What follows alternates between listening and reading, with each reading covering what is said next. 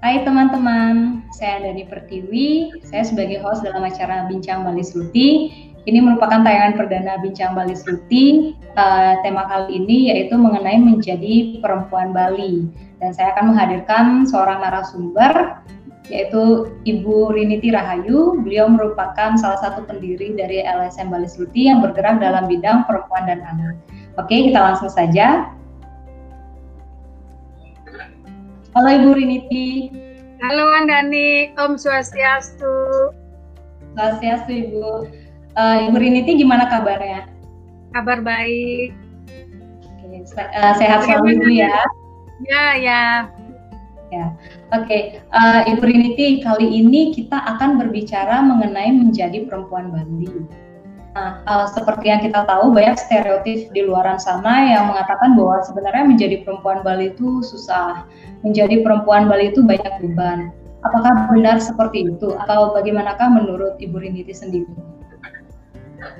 Uh, menjadi perempuan Bali ya, saya sendiri adalah perempuan Bali. Nama saya kan hmm. Luh, Luh itu artinya perempuan, anak yeah. perempuan nomor satu. Jadi saya orang Bali. Menjadi perempuan Bali uh, susah atau senang. Bagi saya tidak, bagi saya hmm. itu sangat sangat membanggakan menjadi perempuan Bali. Jadi asik-asik karena membanggakan saya sungguh menikmati jadi asik-asik aja gitu. Hmm. Dani.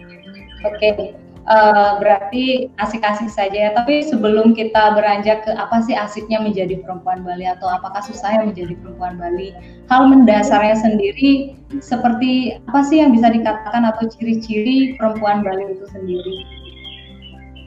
Kalau ciri ya, uh, ciri hmm. perempuan Bali berarti ciri orang Bali sama dengan ciri uh, suku uh, lain ya yang ada di Indonesia. Indonesia ini kan sangat beragam, ya bineka tunggal ika. Jadi yang terdiri dari beragam berbagai suku dan agama. Jadi ada orang Sunda, ada etnis Jawa, ada etnis Madura, ada orang Bali. Nah, apa ciri-cirinya? Sekarang karena saya adalah orang Bali, ya perempuan seorang perempuan Bali, itu tentu yang membedakan dengan etnis lain, walaupun kita dalam satu negara, yang membedakan itu menurut saya ada tiga ciri yang harus dipenuhi menjadi seorang uh, orang Bali atau perempuan Bali ya, khususnya karena saya seorang perempuan, ya, kita perempuan ya. Nah, hmm. jadi uh, pertama kita lihat dari namanya, hmm. ya Kemudian yang kedua dari cara hidupnya, ya hmm. dari cara hidupnya itu ya agamanya, kemudian cara hidup adat budayanya itu. Yang ketiga tempat tinggalnya, gitu ya. Nah oke okay. nomor satu e, dari namanya. Dari namanya kita bisa lihat kalau orang Bali itu namanya kalau seperti saya perempuan Luh Trinity jelas so, uh, anak perempuan pertama orang Bali. Atau kalau kastanya yang lapis masyarakat yang lebih tinggi di Bali itu ada namanya Gusti Ayu anak agung. Kalau Gusti Ayu Andani maka dia Saya. jelas orang Bali ya. E, kalau namanya Angelina Pertiwi kan hmm. susah orang ini orang dari suku mana asalnya dari mana. Yang kedua hmm tata cara kehidupannya. Artinya dia beragama Hindu dan menjalankan tata cara uh, adat budaya Bali misalnya bagaimana dia menjalankan agamanya misalnya kalau orang Bali itu dia pakai sarana upacara misalnya Banten pakai dupa terus dia melakukan mengikuti upacara atau menghadiri atau sembahyang dengan cara cara adat budaya uh, orang Bali. Yang ketiga adalah tempat tinggalnya. Tentu tempat tinggalnya e, mencirikan adat budaya Bali misalnya ada ukirannya atau di rumah yang walaupun e, mungkin tinggal di Jawa mungkin e, bentuknya berbeda tapi di dalam rumahnya di area rumahnya ada ciri-cirinya misalnya tempat persembahyangan misalnya itu jadi menurut saya ciri menjadi orang Bali itu adalah uh, ada tiga tadi.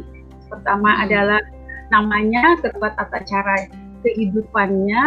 Nah, tata cara kehidupannya tidak hanya dia bisa menjalankan agama Hindu saja, bahasa juga dia harus memahami dan mengerti. Gitu. Andai uh, tidak uh, apa namanya tidak menjadi penutur, tapi dia juga memahami. Yang ketiga tempat tinggalnya itu menjadi ciri sebagai uh, orang Bali. Begitu, Anda nih. Oke. Okay. Berarti sebenarnya dengan melihat ciri-ciri itu tidak susah ya kita melihat ciri-cirinya, simple dari namanya, cara dia hidup, berbudaya, bagaimana dia beragama dan tempat tinggalnya. Lalu kita beranjak ke dari tadi Bu Riniti yang mengatakan saya bangga menjadi perempuan Bali. Sebenarnya apa sih yang membuat hal uh, yang membuat membanggakan menjadi perempuan Bali atau apa sih asiknya menjadi perempuan Bali Bu Riniti? Uh, kalau ya perempuan Bali ya menjadi orang Bali tentu saya sangat bangga sekali karena uh, kayaknya seluruh dunia tahu deh orang Bali uh, uh, Pulau Bali itu lebih dikenal Pulau Bali daripada uh, Indonesia. Kenapa? Karena Bali dikenal karena adat budayanya, ya. adat budayanya yang unik, yang luhur, kemudian tidak ada duanya. Ya uh, orang Bali dikenal berbudaya tinggi, punya seni yang tinggi, terampil, ya, rajin. Nah, ini sangat-sangat mempesona bagi dunia. Dan untuk mengajekan atau mengajekan dan meneruskan budaya ini tentu perempuan yang mempunyai peran yang sangat besar karena perempuan adalah pendidik anak yang pertama. Jadi uh, statusnya tentu sangat strategis ya. Nah, sangat strategis. ya kita apa harus bangga menjadi perempuan Bali. Itu jadi uh, saya pikir asik ya menjadi perempuan Bali kita apa namanya memang sudah dididik dari kecil uh, oleh budaya kita bahwa kita harus menjadi terampil, uh, kemudian pandai dalam segala hal, terutama dalam bidang seni misalnya kita dalam menjalankan keseharian juga memakai seni saya kira itu. Hmm. Uh, berarti menurut Ibu Riniti itu ulasan yang tadi itu adalah hal-hal yang mendasari mengapa Ibu Riniti begitu bangga menjadi perempuan Bali ya, begitu Ibu? Ya, Tapi, saya bangga menjadi perempuan Bali. Tapi agaknya kurang adil atau kurang afdol rasanya kalau kita hanya mengulik dari sisi apa sih yang membanggakan dari menjadi perempuan Bali. Lalu uh, pertanyaan saya selanjutnya adalah apa sih juga susahnya menjadi perempuan Bali dalam kacamata Ibu Riniti sendiri?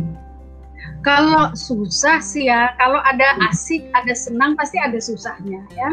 Jadi hmm. uh, menjadi perempuan di etnis mana pun, perempuan Sunda, perempuan Jawa, perempuan Bali, semua ada uh, apa namanya? Tentu ada uh, kesusahnya juga di samping uh, ada yang asik-asiknya gitu ya.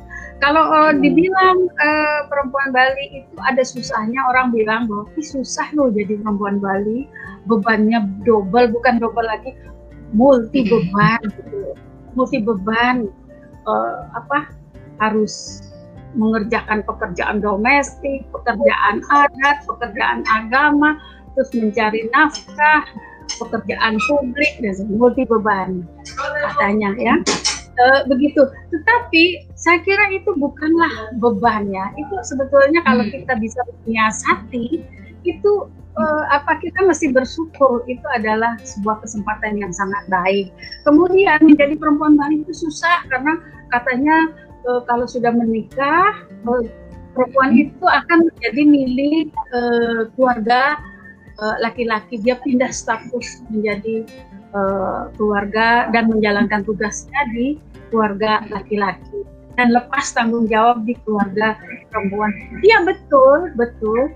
Tetapi bukan berarti kita lepas tanggung jawab terhadap orang tua ya. Kalau kewajiban adat istri adat bisa kita lepas, tapi kewajiban kepada orang tua tetap. Jadi hubungan baik itu tetap. Nah, lalu kewajiban di rumah suami ya yang disebut berat ini karena sudah semuanya mengerjakan banyak kewajiban di sana nah, katanya hmm. berat hmm. ya tentu saja berat karena kita tidak uh, tidak menikah dengan suami kita saja, tetapi kita menikah dengan keluarganya, baik keluarga kecilnya maupun keluarga besarnya. Jadi perempuan yang sudah menikah harus pandai beradaptasi di keluarga suaminya, baik keluarga uh, kecilnya maupun keluarga besarnya seperti pemaksa namanya ya kelompok komunitas uh, Bali itu uh, itu namanya pemaksaan atau komunitas Banjar. Dia harus bisa berkomu beradaptasi. Itulah yang menyebabkan kalau tidak bisa, maka perempuan merasa sangat berat, tentu saja menjadi stres dan dianggap itu berat. Sesungguhnya kalau menurut saya, huh? ya, ya kalau menurut saya itu tidak berat, tetapi harus kita nikmati. Begitu, Dani. Oke, berarti pada intinya menurut Ibu Riniti sendiri menjadi perempuan Bali itu adalah hal yang membanggakan. Mengenai kesusahannya itu tergantung bagaimana kita melihatnya, begitu ya Ibu ya? Oke. Ya. Uh, hmm. Baik Ibu Riniti, uh, sekian eh, bincang-bincang uh, kita mengenai menjadi perempuan Bali. Terima kasih banyak Ibu Riniti atas waktunya. Terima kasih telah mengisi tayangan perdana Bincang Bali Sruti kali ini dan uh, sampai jumpa lagi di kesempatan berikutnya. Terima kasih Bu Riniti. Terima kasih Om Santi. Om Santi. Oke teman-teman, itu tadi bincang uh, Bali Sruti kita dengan tema menjadi perempuan Bali. Uh, pada intinya berdasarkan pembicaraan tadi dengan Ibu Riniti, menjadi perempuan Bali itu sekali lagi saya katakan dalam kacamata Ibu Riniti adalah hal yang membanggakan mengenai kesusahan yang uh, dikatakan di luar sana mengenai perempuan menjadi perempuan Bali itu sesungguhnya adalah balik lagi ke diri kita sendiri bagaimana kita melihatnya, bagaimana kita beradaptasi dan mengkondisikan diri kita sendiri. Dan teman-teman, itulah tadi bincang Bali Seruti kita menjadi perempuan Bali untuk series yang pertama. Akan ada seri-seri berikutnya tentunya dengan narasumber lainnya. Baik, sekian dari saya, Andani, sebagai host Bincang Bali Sruti. Sampai jumpa di siaran berikutnya. Sampai jumpa. thank you